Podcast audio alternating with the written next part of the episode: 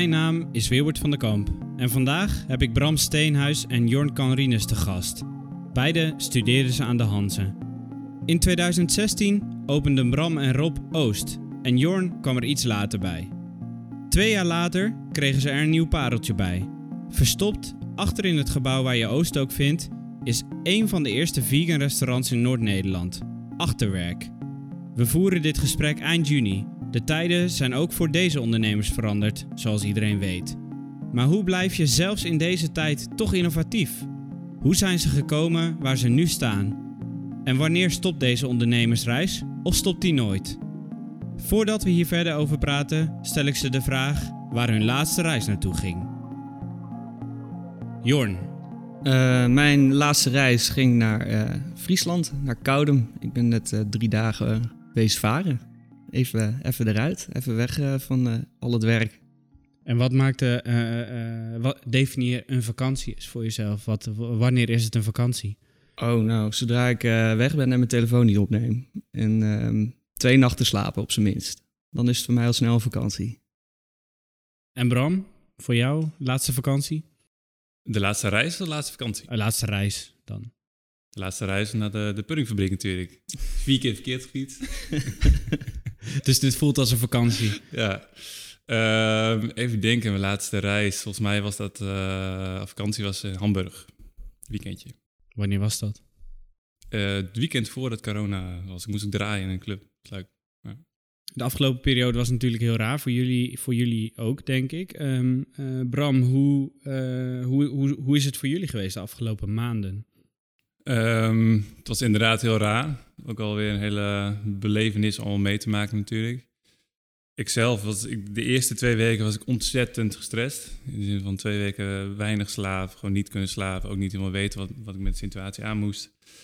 En na een tijdje dacht ik, oké, heeft het nog heel veel zin dat ik me er nog zo druk over maak? En wat, wat, wat, wat voor impact heb ik precies wel op de situatie? Wat voor impact heb ik niet op de situatie? En wat kunnen we doen en wat kunnen we niet doen?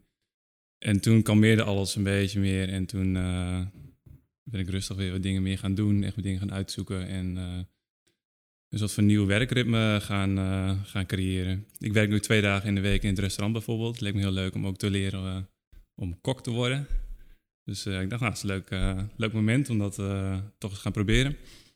En um, ja, verder het uitzoeken wat er wel kan voor de club en wat niet. Dus ik ben wel vaak met mensen in gesprek en met veel andere clubs in Nederland aan het overleggen wat, wat zij bedoelen binnen die anderhalve meter. En hoe zij, wat de gesprekken zijn met de regering bijvoorbeeld. En of er al wat meer nieuws is over dat die anderhalve meter eruit gaat bijvoorbeeld. Um, dus dat. Ja, en Jorn, hoe waren de laatste maanden voor jou? Um, nou ja, het is vooral, was dit inderdaad wat Bram zegt, uh, eerste paar weken natuurlijk een soort van, uh, nou ik wil niet zeggen blinde paniek, maar wel echt behoorlijk gestrest. Het restaurant ging hartstikke goed. Ging daar eindelijk uh, ging er echt naartoe dat we wel echt een week van tevoren al volgeboekt waren. De club ging hartstikke goed. Nou en toen in één keer kwam nou ja, corona met twee gestrekte benen in. Um, ja, het was voor mij was het. Uh, ik, ik had um, inderdaad, wat Bram zegt, het, het werk opnieuw inrichten. Um, ik had echt heel veel vrije tijd ineens, um, die ik met twee handen heb aangegrepen om de hele hal even een goede beurt te geven. Want daar was het wel echt aan toe. Dus wat dat betreft kwam het dan wel weer gelegen uit. Want het was echt een. Uh, de rookhok moest onder andere moest, moest eruit. Dus dat moest allemaal verbouwd worden. Nou ja, dat, dat hebben we allemaal gedaan.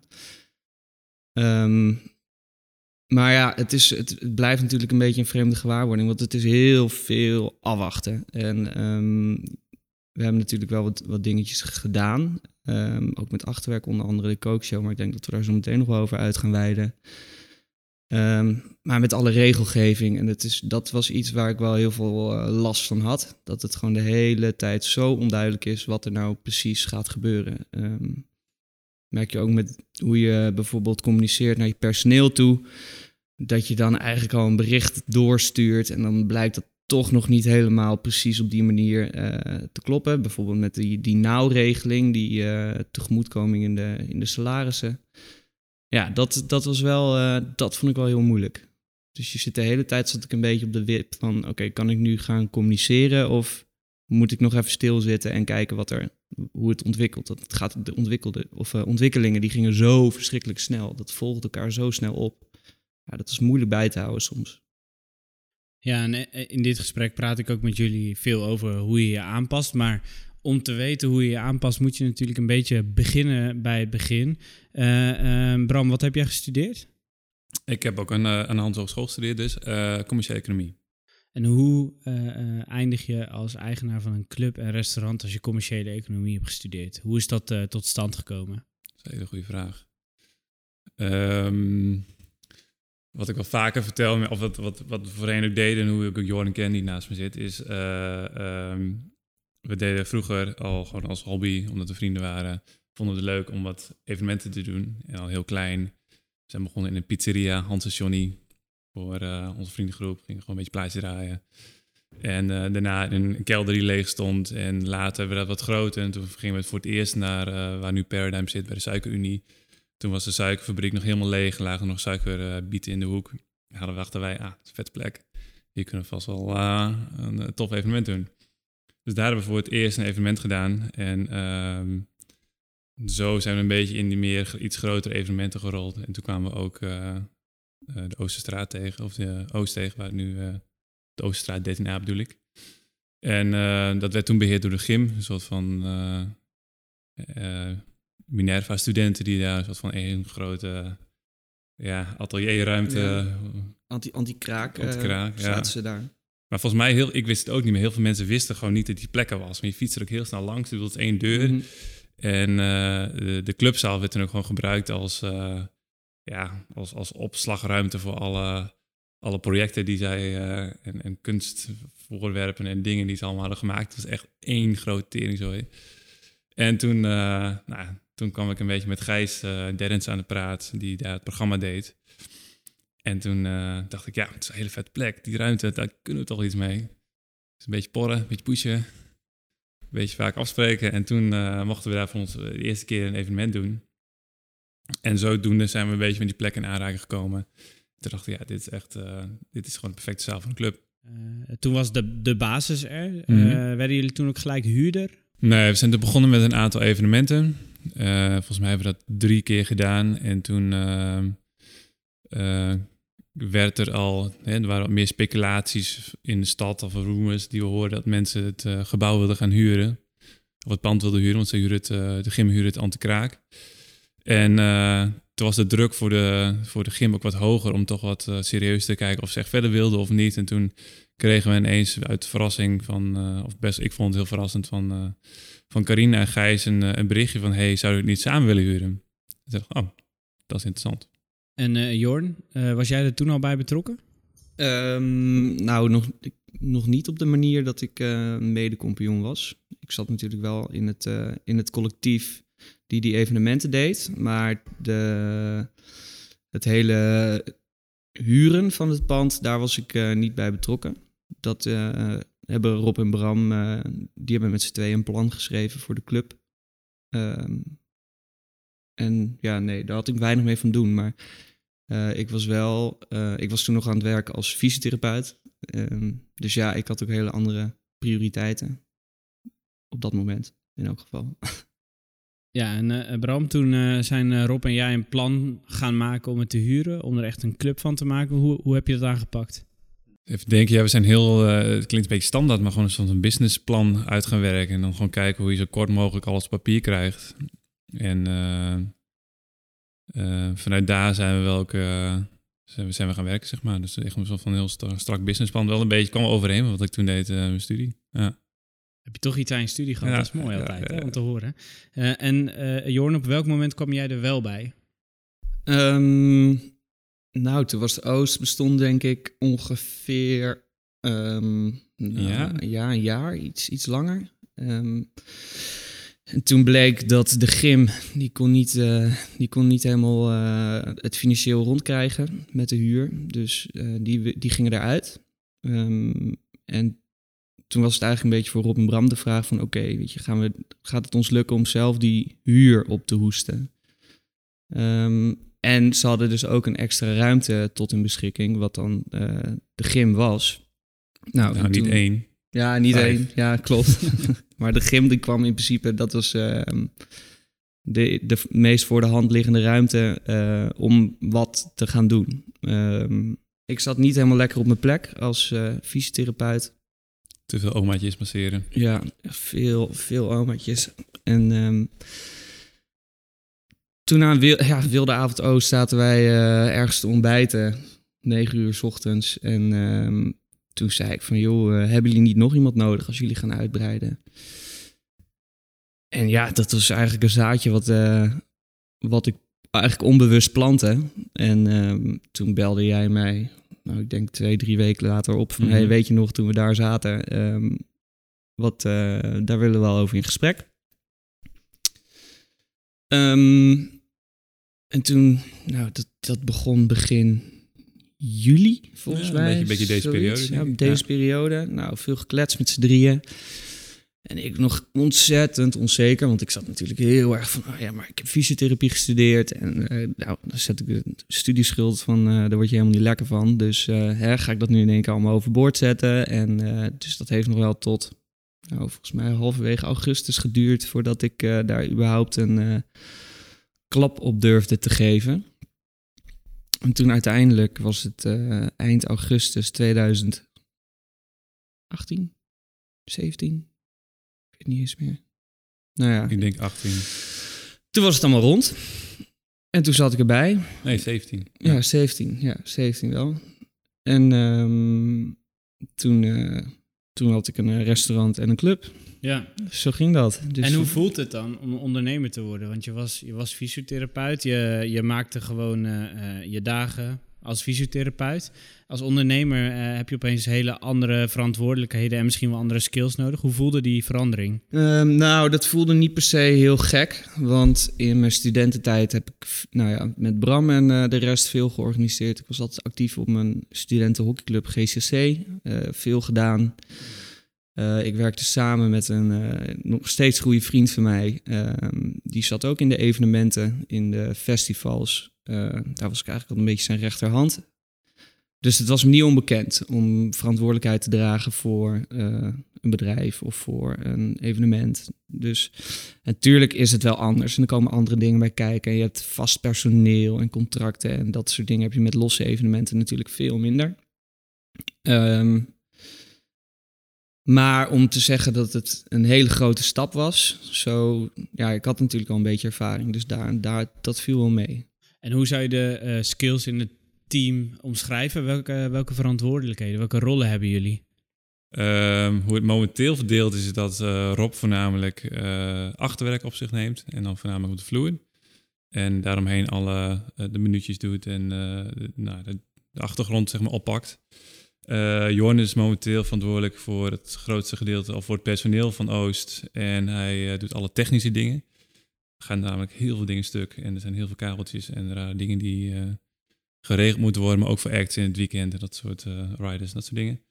Ehm, en verder doe ik eh, samen met een eh, klein teampje de marketing en communicatie. En ik maak zelf het programma voor de club. En wa- wat is denk je de afgelopen jaren de, misschien naast corona, de grootste verandering is gewe- ge- geweest die jullie in, in, in Oost, in de club hebben doorgevoerd? Wat is daar veranderd? Ehm, ik denk wel, zeg maar, we zijn in het begin zijn we heel erg begonnen met avonden programmeren. En dan nou, een DJ en dan, oh, oh, is druk. Leuk. Of dan een DJ, oh, vijf mensen, pijnlijk. En dat kabbelde een beetje door totdat ik, een keer dat, totdat ik een beetje een moment had van ja, weet je, we moeten er toch wat, wat gerichter gaan oppakken. In de zin van dat we, nu, nu kijk ik echt een soort van naar een maand en dan ga ik heel erg kijken van oké, wat deed deze maand een eh, jaar terug? Wat zijn een soort van highlights deze maand? Er moet altijd een soort van één piek in een maandprogramma zijn, vind ik. En er moet een soort van, ook, een programma moet ook een beetje breed zijn in de zin van genres. Maar ik kijk ook heel erg naar eh, wat de rest van de stad doet bijvoorbeeld. Hè. Is, er, is er Loft? Is er, wat doet Paradigm? Wat doet Simplon? Zijn er andere nog eh, evenementen waar ik niet van af weet? Het is heel een beetje puzzelen. Als ik alle evenementen heb, dan ga ik een beetje kijken wat past qua genres het beste op welk moment. En wanneer kan ik onze piek het best gaan inplannen, zodat ik zeker weet dat we een hele drukke avond hebben. En wanneer denk ik, oeh, dit kan een hele spannende avond worden. Hoe kan ik die, zo zeg maar, iets programmeren zodat ik denk dat ik die toch een beetje ga opvangen. En eh, dat je op die manier wel echt aan je, nou, je probeert echt met targets te wetten, werken qua omzetten, dat je die dan gaat halen. En uh, daarnaast ook nog een, zeg maar, een cultureel, of cultureel gezien ook nog een soort van spannend programma probeert te maken, wat interessant is. Ja. Je hebt het natuurlijk heel druk. Je bent die club aan het draaien. Op een gegeven moment besluit je om een restaurant erbij uh, bij te gaan doen.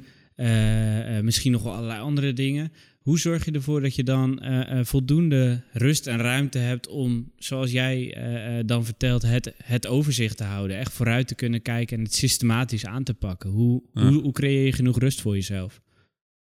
Um, ik weet niet of ik daar per, se de persoon ben die daar hier het beste antwoorden heeft. Maar um, ik, ik, probeer echt een beetje momenten te creëren in de week. Dat ik denk, oké, deze week ben ik daar echt mee. Ga ik echt een half jaar voor uitwerken qua programma.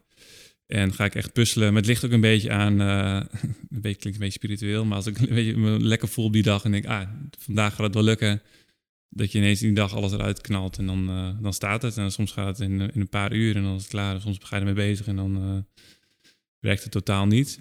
En hoe ga je daarmee om, zo'n slechte dag? Dan is alles kut. Dan, dan, nee, dan ga ik de, de, ja, dat is vaak de dinsdagen zijn wat minst leuk, want dan heb je het weekend gewerkt twee nachten. Dat doen we ook nog steeds altijd. We hebben wel besloten, als de club, op het moment dat de club open gaat, we gaan niet meer die nachten werken, want dat breekt je echt volledig op. Um, en dat is niet meer, uh, dat, wij worden daar te oud voor, denk ik. Um, even denken, ja, de, dinsdagen, die, uh, ik, heb al altijd, ochtends probeer ik dan gewoon wel wat afspraken te plannen, zodat ik wel een soort van weer in een soort, van sociaal ritme kom. En dan, soms pakt dat iets beter uit dan andere keren. En dan, uh, ik heb op dinsdag een soort van altijd vaste routine dingen die ik doe. En dat zijn vaak ook heel veel dingen met artiesten voor de, voor de vrijdag en zaterdag. En dan gaat zo'n dinsdag redelijk snel doorheen. En dan probeer ik de woensdag en donderdag toch wat meer uh, complexere dingen op te pakken. Wanneer ik iets beter geslapen heb. Ja. En hoe ziet jouw weekritme eruit, Jorn? Um, nou ja, we zijn, we, ons weekend is op zondag en maandag. Maar ja, zondag lig je om als het een beetje mee zit, uh, zeven uur, half acht, lig je in je bed. Nou, dan wordt, uh, mijn vriendin woont in Amsterdam, dus in mijn geval word ik om twee uur wakker, krokant. Dan ga ik naar uh, Amsterdam toe. Ga ik daar op de bank liggen, krokant. Dan ga ik daar slapen en dan word ik wakker, ook krokant. En dan dinsdag ga ik weer naar Groningen toe. Dus onze weekenden zijn wel kort. Um, ik kan niet zeggen dat wij heel erg goed uitrusten. Durf ik wel te stellen. Nee, ik denk dat het corona wat dat betreft wel een, uh, ja. een, realisatiemomentje was. Daar zijn we wel achter gekomen. Je werd wel, uh, door, de, door dat je in één keer gewoon door hebt in wat voor sneltrein je, uh, je zit. Dat je gewoon niet door hebt wat voor leven je eigenlijk aan het, aan het leiden bent. Um, maar ik, mijn week dinsdag is voornamelijk inventariseren wat er in het weekend kapot is gegaan. Um, ik ga vaak bezig met uh, personeelsplanning, kijken of, ik, of die helemaal uh, voor elkaar is. Administratie, dingetjes, e-mails. Alleen ik heb niet heel veel e-mails. Dat uh, heb ik ook echt een gruwelijke hekel aan. um, en dan, um, ja, woensdag is die, die dag plan ik meestal helemaal vrij. Um, en dan niet om vrij te zijn, maar dan gewoon dingen te fixen in het pand. Het pand is echt behoorlijk afgeleefd. Um, en dan donderdag en vrijdag probeer ik mijn afspraken in te plannen met, met wie ik dan een afspraak moet hebben. En is dat uh, uh, vragen die verschillende dagen ook om een verschillende focus? Dus een, een doedag, is dat echt anders dan een praatdag? 100 procent. Ik, uh, een doedag is voor mij oordopjes in, podcastje op en lekker aan de slag. En een, een, een praatdag of met veel meetings op zo'n manier. Ja, daar, ik ben er gewoon ook niet een ster in. Als ik heel eerlijk ben. Een uur met elkaar kletsen, ja, dan, dan hou ik misschien een half uur vol. Dus bereid je me voor deze podcast. Dat wordt over, dat wordt over een kwartier wordt het helemaal niks meer. ja, nee. Ja, ja daar ben ik niet zo goed in. En vullen jullie elkaar als, als team daarin aan? Dus heb je ook wel eens gedacht, ah, hier heb ik geen zin meer in. Dit kan ik aan, aan een compagnon kwijt? Ja, dat denk ik wel. Ik denk dat we daar wel goede verdeling in hebben. Um, ik denk dat Bram in dit geval de meeste meetings van ons alle drie heeft. en ik het minste. Uh, maar ik repareer dan ook weer de meeste dingen en Bram het minste. Dus ja, zo uh, heft elkaar dat mooi op. Mooi yin-yang. Ja. precies. Ja. En Bram, uh, we hadden het er net al even over, maar op een gegeven moment zegt de gym dan, we gaan, wij gaan uit het pand. Dan ga je mhm. nadenken over, kan ik die huren ophoesten? wat voor plan hebben jullie gesmeed? Ja, nou we waren heel erg aan het kijken naar welke ruimtes zijn er allemaal en wat, wat voor functie kunnen die ruimtes allemaal invullen. En Um, destijds waren we nog heel erg van overtuigd van oké, we willen niet te hoge lening gaan uh, aangaan. Vind, vind ik nog steeds ook heel spannend trouwens hoor. Maar ik, heb wel zoiets van het moment dat je nu. Ik sta er nu wel zo in op het moment dat je, dat je een, een heel goed concept hebt en alles hebt goed hebt uitgewerkt, zou ik nu al iets, iets makkelijker een, een wat grotere lening aangaan, aandurven ook, dan dat we destijds uh, hebben gedaan. Dus dat was wel een hele grote factor ook. Geld speelde wel een hele grote rol. Ehm, en toen moest gaan kijken van ja, wat vinden we zelf leuk? Wat we hadden toen gingen we ook vaak uit eten. Vonden we superleuk, nog steeds. En uh, we vonden het ook heel belangrijk om onze, onze kansen een beetje te spreiden. Want uh, met de club speel je, heel erg in op een jonge doelgroep, veel studenten. En we dachten, het is ook handig, uh, stel voor, die, gebeurt iets met alle studenten, dat we nog wel een soort van externe andere inkomstenbron hebben, wat momenteel heel goed van pas komt trouwens. Ehm, als we geen restaurant hadden gehad, hadden we hier niet zo uh, grappig en vrolijk gezeten, denk ik. Ehm, dus dat, dat, ja, dat had er wel mee te maken. En, uh, dus daarom toen zijn we een beetje gaan kijken van wat, wat is allemaal mogelijk met alle ruimtes en wat, wat vinden we zelf passen, wat vinden we zelf leuk. En op dat moment waren Rob uh, en ik beide heel erg in het veganisme en veganistisch eten en wat, wat duurzaamheid en kijken hoe we daar... dus dat vonden we heel leuk, dus daar zijn we naar, naar gaan kijken. En daar kwam ook het plan eh, of het idee achterwerk uh, uit. Uh, wat was achterwerk aan het begin toen je het opzette? Wat was het idee? Ja, dat is wel een leuke vraag. Um, of tenminste, omdat het totaal anders is dan dat het uh, daadwerkelijk geworden is. Um, ik weet, met achterwerk hadden we het idee om het heel speels te houden. En dat was ook mijn idee. Zat ik volledig naast eigenlijk. Of tenminste, dat was een van mijn grotere fouten. Durf ik wel toe te geven nu. Um, het idee was om het heel serieus te zijn over eten en niet over de rest. Dat was ook een beetje ons slogan. En uh, daarmee uh, zeiden we dat in ieder geval het eten moest heel goed zijn en uh, erg on point. En nou, ook, ook, veganistisch, maar het was destijds niet helemaal veganistisch. Vonden we nog een beetje te spannend voor Groningen. En, maar goed, daarnaast hadden we ook een soort van nou ja, dat was, ik probeerde wat grappige elementjes toe te voegen en, en, en speelelementen. Er was een, een tafeltennistafel stond uh, met andere speldingetjes. We hadden na een tijdje zo van Rad voor Fortuin, dat mensen van mensen hadden betaald. Ik vind dat steeds een superleuk idee namelijk, maar totaal niet functioneel. Uh, het moment dat iemand had betaald, die ging dan afrekenen. Ik vond het altijd, dan loop je het restaurant uit en denk je, ja, het was heel lekker gegeten, maar wel net 100 euro afgerekend. Kut. En ik dacht, weet je, als je nou dat laatste elementje wat leuker kan maken, Um, zoals bij de IKEA bijvoorbeeld, dat je een ijsje eet voor 50 cent. En denk je, ah, wel 100 euro uitgeven, maar wel even lekker ijsje. Perfect. Dus dat element wou ik aan toevoegen. Alleen uh, het was gewoon, het duurde allemaal te lang. Dus het, was, het kostte heel veel tijd voor het personeel om het allemaal te doen. Dus dan waren ze niet heel blij met mijn idee. Dus mensen, mensen gaven een te harde slinger aan dat rad, waardoor je een ja, paar minuten aan het Stonden ze een kwartier. Wat moet ik aan doen? Ja, inderdaad, de harde slinger was wel echt een groot punt trouwens. Maar goed, heel af en toe gebeurde dat iemand gewonnen had. Dan was het ook echt uh, nou, een feestje in, uh, in het restaurant. Met wat kregen ze? Als ze dan kregen ze een gratis drie gangen. Uh, of mochten nog een keer uit eten. Ja, met z'n tweetjes. Dus um, ik vond nog steeds een heel leuk idee. Alleen de rest van het personeel was het daar niet helemaal mee eens na een tijdje. Dus ik heb het maar laten gaan. Um, en dat soort dingen proberen we toe te voegen om dat speels te houden. En we deden ook wat evenementjes. We hebben ooit een keer disc, pannenkoek en disco gedaan heel kut idee. Werkte totaal niet. Helemaal veganistische pannenkoeken, dat, dat, dat textuur werkt ook helemaal niet goed. en, en, en, eh, dus, dus, dat, dus die combinatie werkte niet zo goed. Uh, wat hebben jullie toen gedaan?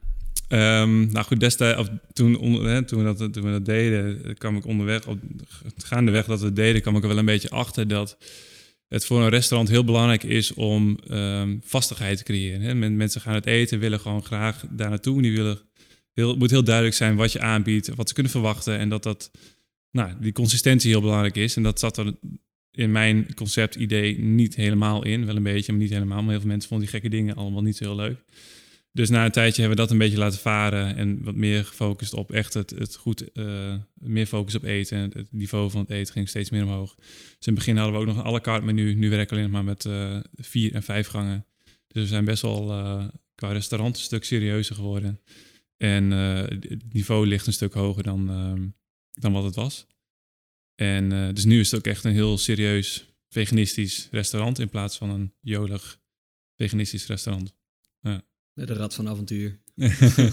ja, en jullie hebben als een, een, van de echt grootste veranderingen, in ieder geval die, die ik daarin heb meegemaakt. Eh, jullie hebben op een gegeven moment gekozen, wij worden gewoon 100% veganistisch als mhm, restaurant. Ehm, eh, waarom hebben jullie die keuze genomen?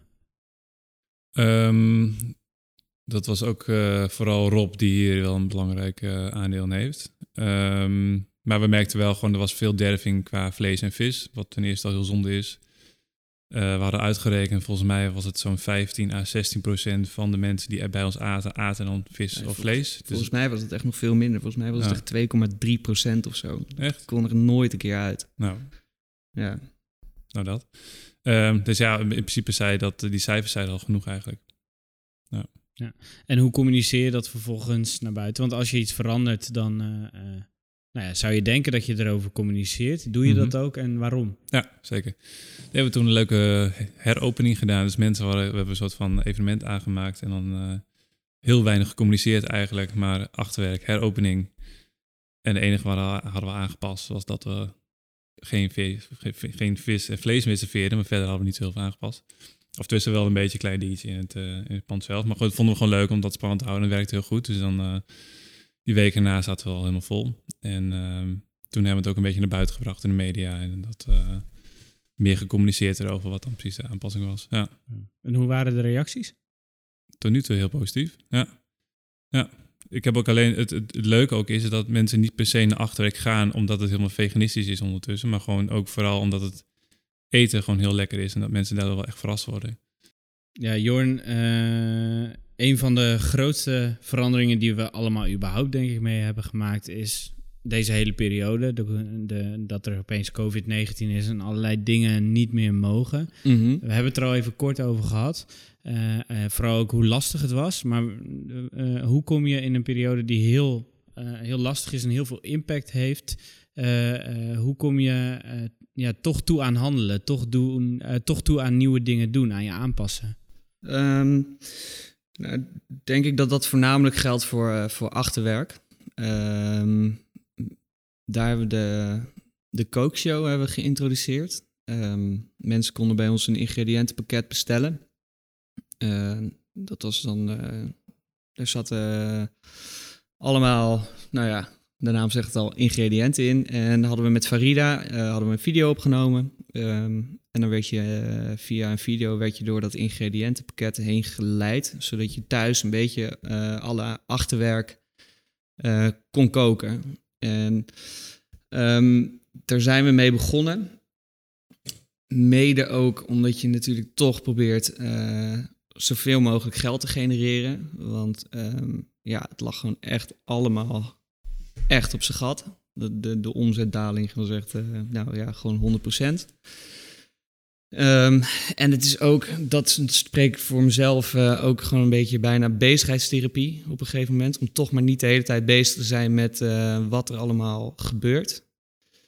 Um, en het is ook gewoon heel belangrijk om op zo'n moment dat er van alles en nog wat gebeurt, om wel uh, relevant te blijven voor um, de, de vaste gasten. En dat je on top of mind blijft op het moment dat het weer kan. Ik denk dat als je, als je echt helemaal doodstil gaat zitten, ja, dan, dan is er zoveel. Er, ja, er gebeurt zoveel. Elk restaurant deed wel wat. Ik denk op het moment dat je dan stil gaat zitten, dat je dan eigenlijk jezelf alleen maar meer in de vingers snijdt. En dat mensen je gewoon gaan vergeten. En dan, heb je, dan is er veel meer werk uh, aan de winkel op het moment dat je weer open mag.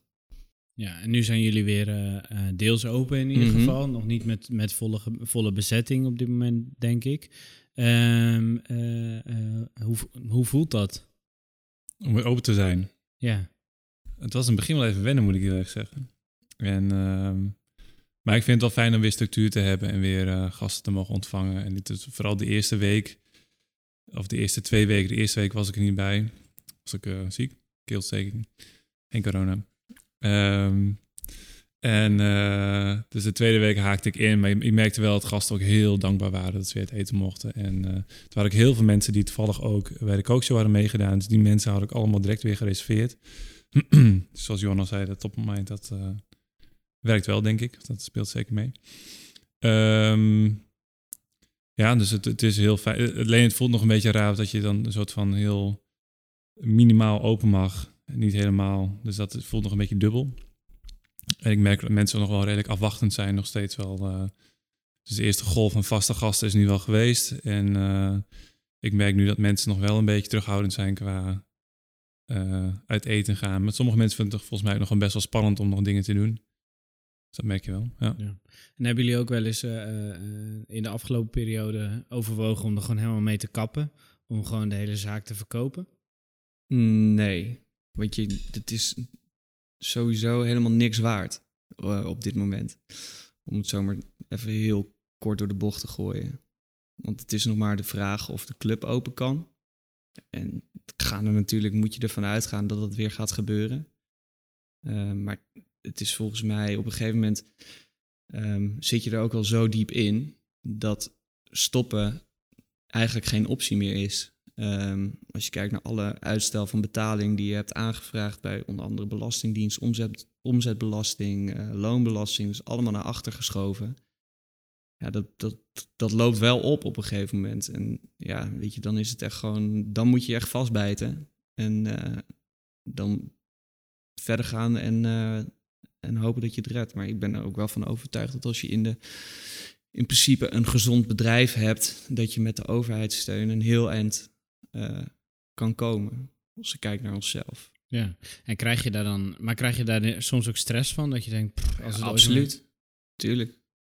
Ja, zeker weten. Want het is ook, uh, kijk, je bent natuurlijk begonnen ook um, nou, met, een, met een idee uh, dat je het niet voor niets doet. En je ziet wel, nou ja, de club stond tot en met corona, elk weekend stond de club elke week vol. Uh, het restaurant zat echt elk weekend vol. Dus het ging zo verschrikkelijk goed.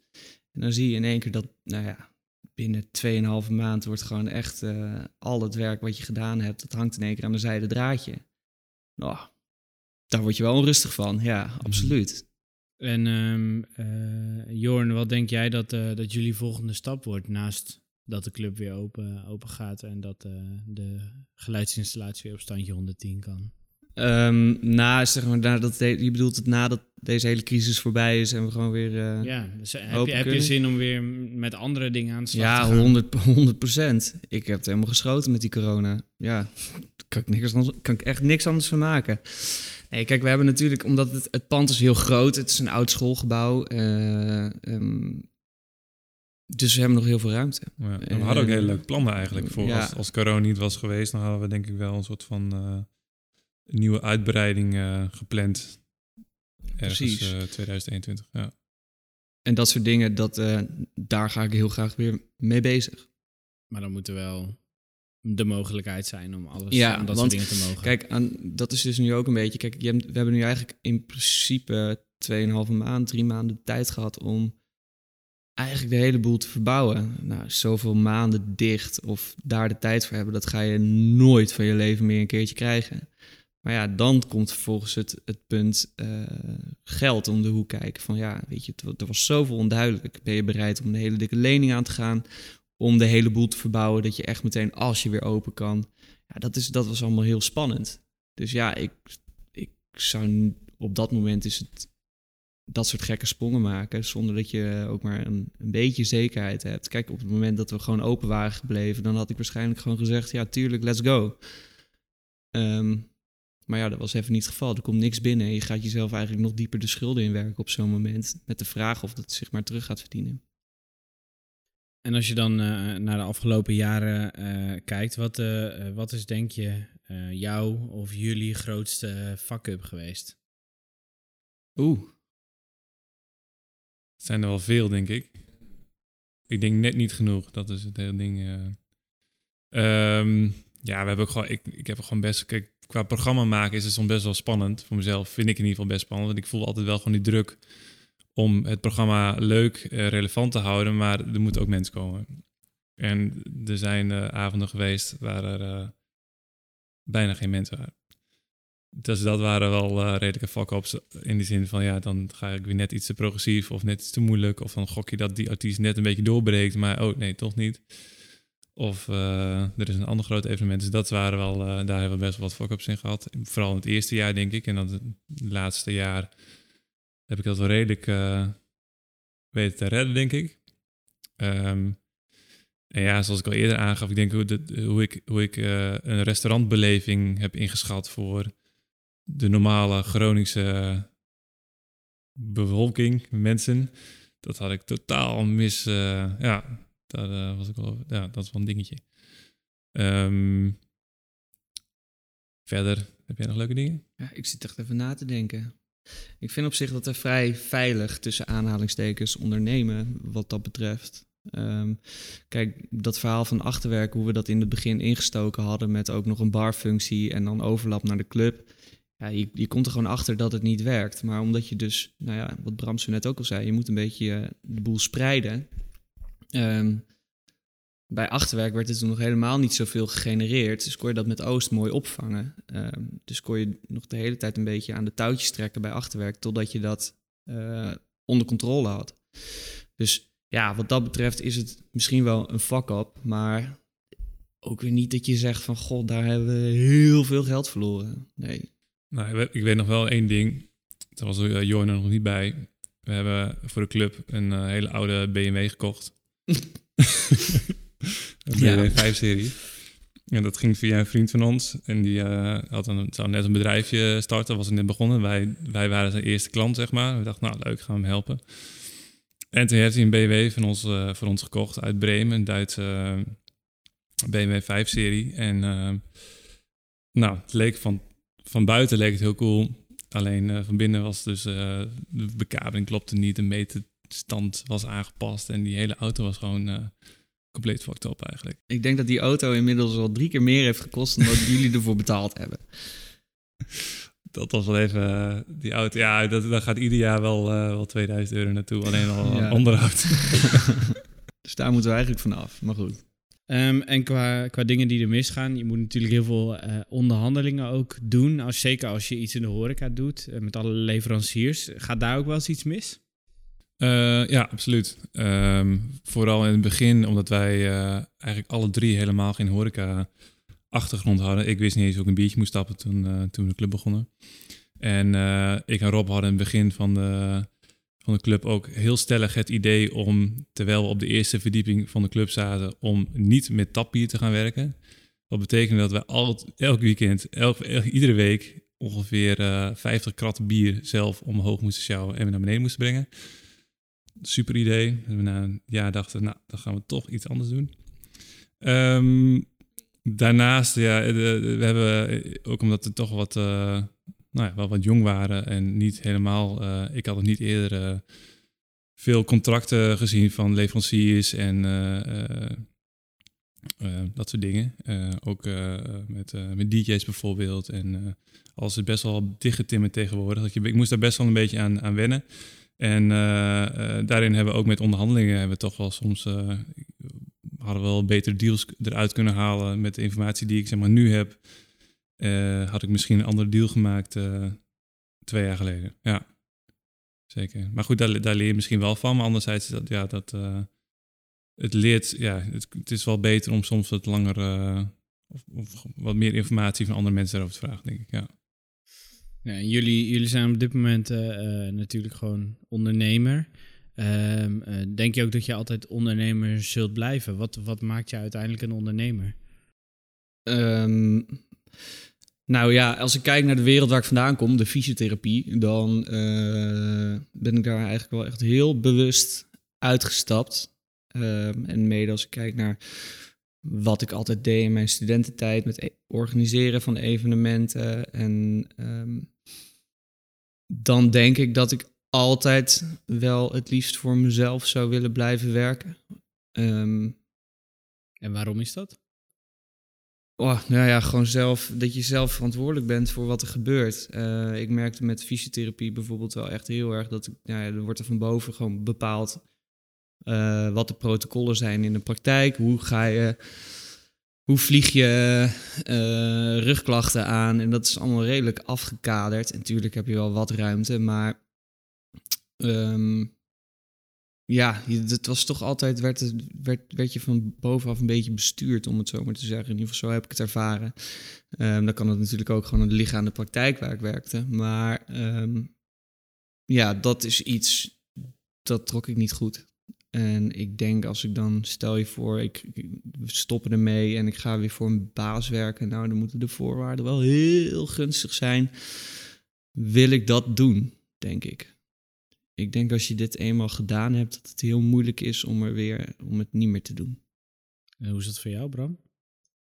Um, ik zat er net even over na te denken hoe het voor mij zou zijn. Um, ik denk dat het voor mij iets anders ligt. Ik zou denk ik wel prima voor een baas kunnen werken. Uh, mits ik, er wel een bepaalde vrijheid is natuurlijk. En uh, het ligt helemaal aan wat voor functie. Het lijkt mij ook nog steeds heel leuk om docent te worden, te zijn. En uh, ja, om zelf nou een hogeschool te beginnen is ook weer zoiets, denk ik. Wat wel heel spannend. Ehm, verder, uh, nee, ik denk, ik denk dat ik het wel zou kunnen. Het lijkt me ook, ik zou niet per se eeuwig club-eigenaar willen spelen, zeg maar. Een restaurantje willen spelen. Ik vind het heel leuk nu. Ik merk nu wel ook dat ik een beetje uitgeleerd ben qua dingen uh, met de club. Natuurlijk kun je altijd meer netwerken en uh, beter programma maken. Maar dat ligt voor mij niet helemaal een uitdaging. Ik vind het nu wel heel leuk bijvoorbeeld om dan uh, in de restaurant te werken. Dat vind ik super. Um, maar goed, daar zijn natuurlijk ook een beetje grenzen na een tijdje. Dus ik, ja, ik, ik zal af... Ja, het lijkt me nog steeds wel leuk om weer iets anders te gaan doen. Al heb ik nog geen idee wat. Ja, en voor, voor veel mensen die dit luisteren is misschien wel een droom, een soort van ondernemer zoals jullie te zijn, een, een club en een restaurant te hebben. Uh, wat voor tip hebben jullie, uh, niet per se voor mensen die alleen maar dat willen worden, maar studenten die ondernemer willen worden? Wat voor tip hebben jullie voor hen? Mm, ja, ik denk dat het heel belangrijk is dat je uh, weet wat je, wat je wil gaan doen. en ik ben er zelf achtergekomen door in mijn, studenten, of, uh, in mijn studententijd heel actief te zijn. Uh, dus de, ga commissies doen, ga uh, dingen organiseren, ga op onderzoek uit. Um, ik denk dat dat soort dingen bij mij heel erg bijgedragen hebben um, in, in waar ik nu ben. Um, ja, weet je, ik heb de meest debiele bijbaantjes gehad, maar daardoor kom je wel allemaal in, in posities terecht, uh, waardoor je heel duidelijk weet van, oh god, dit is leuk, of god, dit wil ik echt absoluut niet. Um, en je, ja, je, je bouwt ook een netwerk op, wat ook echt verschrikkelijk belangrijk is. Um, ja, ik denk gewoon wees, wees actief. Het komt je echt niet aanwaaien. Als je stil zit, gebeurt er niks. Nee, dat, uh, dat laatste, dat had ik in mijn hoofd inderdaad. Ik weet nog, toen we begonnen was ik volgens mij 25. En uh, ik begreep gewoon de wereld niet helemaal. En uh, ik heb wel echt dusdanig veel geleerd, of van heel veel dingen. Je leert van echt bij heel veel verschillende dingen wel een beetje af. Um, dus ja, en, en wat Jorn zegt, het is gewoon heel hard werken. En na een tijdje, vooral de eerste drie jaar, het denk ik echt knetterhard werken. En na een tijdje moet je echt wel voor jezelf gaan bepalen wat voor jou de primaire leuke werkzaamheden zijn en secundaire uh, dingen moet je vooral uh, iemand anders laten doen. En dan ga je het leuk, denk ik. Mooie lessen. Um, ik wil jullie heel hartelijk bedanken, Jorn en Bram, en gefeliciteerd met Rob nog. Hij is vandaag ja. Hey, hey, uh, Rob. hoera. um, uh, bedankt voor jullie lessen. En ik hoop dat we, uh, nou, dat we toch wel binnenkort weer gewoon ook bij jullie in de club terecht kunnen. En tot die tijd blijven we lekker eten bij, bij Achterwerk. Maar hopelijk ook tot snel in Oost. Dankjewel. Jo. Dankjewel Wilbert. Mooie afsluiting.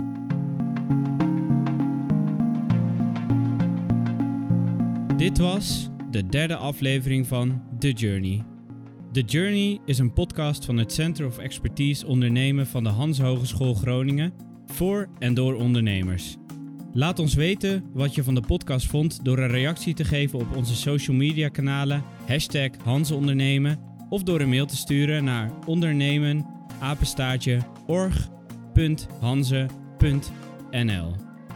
Wil je meer weten over de ondernemerschapsprogramma's bij de Hanze? Bekijk dan de website www.hanze.nl slash ondernemende-student. Mijn naam is Wilbert van den Kamp. Dit was The Journey. Tot de volgende aflevering.